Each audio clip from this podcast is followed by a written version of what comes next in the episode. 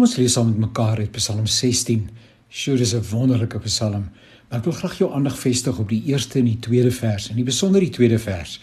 Daar staan: "Neem my in beskerming oor God. Ek soek skuilings by U. Ek het vir die Here gesê, ek behoort aan U. Daar's vir my niks goeds nie behalwe by U." Per geleentheid is Elia die profeet besig om met die volk van die Here te praat. Dit na aanleiding daarvan dat daar vir 'n hele aantal jaar 'n droogte was en die mense teen hierdie tyd al desperaat was dat die droogte opgehef sal word.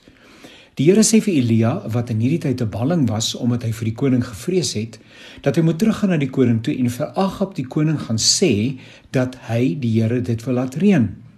Op versoek van Elia word die hele volk bymekaar gebring en daar vind 'n konfrontasie plaas tussen Elia en die Baal profete. Dis baie bekend nie waar nie.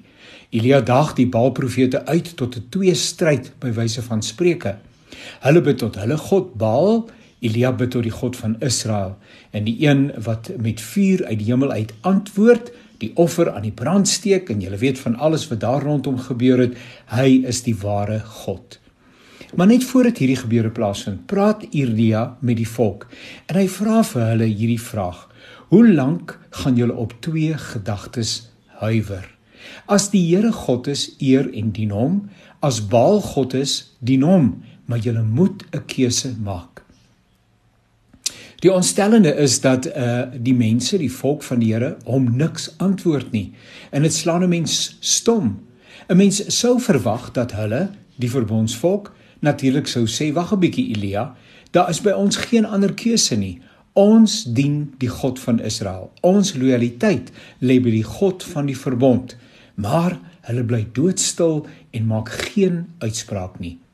Dis eintlik baie ontstellend om te dink dat die volk van die Here vir wie hy met soveel magsvertoon, liefde sorg en alles wat daarmee saamhang uit die huis van slawerny Egipte gaan haal het en hulle gebring het in die beloofde land, dat hulle ten spyte van al die wonders wat God gedoen het, tog versuim om sonder enige twyfel aan te dui dat God die God van hoop en van hulle verlossing is. Die Bybel sê op 'n ander plek 'n mens kan nie twee Here dien nie. Jy sal of die een aanbid en die ander uh en die ander uh, verag of jy sal die een lief hê en die ander een met ander woorde afskryf. Jy verstaan wat ek probeer sê. Wanneer dit by 'n mens se geestelike lewe kom, kan 'n mens nie op twee stoele te gelykheid sit nie. Dis onafwendbaar. Dis dwingend noodsaaklik. Dis waarop dit neerkom. Jy moet 'n keuse maak vir God of teen God. Daar is nie 'n middeweg nie. 'n Keuse vir God is 'n keuse teen die wêreld en sy manier van dinge doen. 'n Keuse vir die wêreld, die huidige onverskillige kultuur, soos dit waarmee ons bekend is, is dis ook 'n keuse teen God. Nou, dit beteken nie dat 'n mens lewens en wêreldvreemd leef nie. Dis nie wat ek sê nie.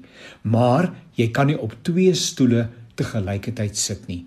Paulus praat juis daarvan in Galasiërs 5 wanneer hy verwys na die vrug van die vlees en die vrug van die gees. Jy kan nie albei op dieselfde tyd dra nie. Jy moet 'n keuse maak. Ons het nodig om die gees van die Here toe te laat om ons in besit te neem en voortaan geld die beginsels van God se woord in ons lewens.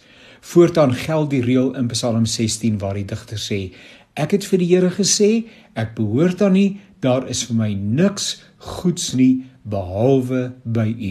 Daar's nie plek vir 'n derde party nie. Dis ek en die Here, die Here en ek, en is 'n noue verhouding waarbinne niemand anders kan indring en kan aanspraak maak op my tyd, my toewyding, my oorgawe, my aanbidding of my lofprysing nie. So mag ek vir jou vra, kan jy, kan ek dieselfde sê? En dit natuurlik is suiwer genade want dit is ook God se uitnodiging wat na ons toe kom. Maar kan ons sê ek ons sê vir die Here, ek ons behoort aan U. Daar is vir ons niks goeds nie behalwe by U.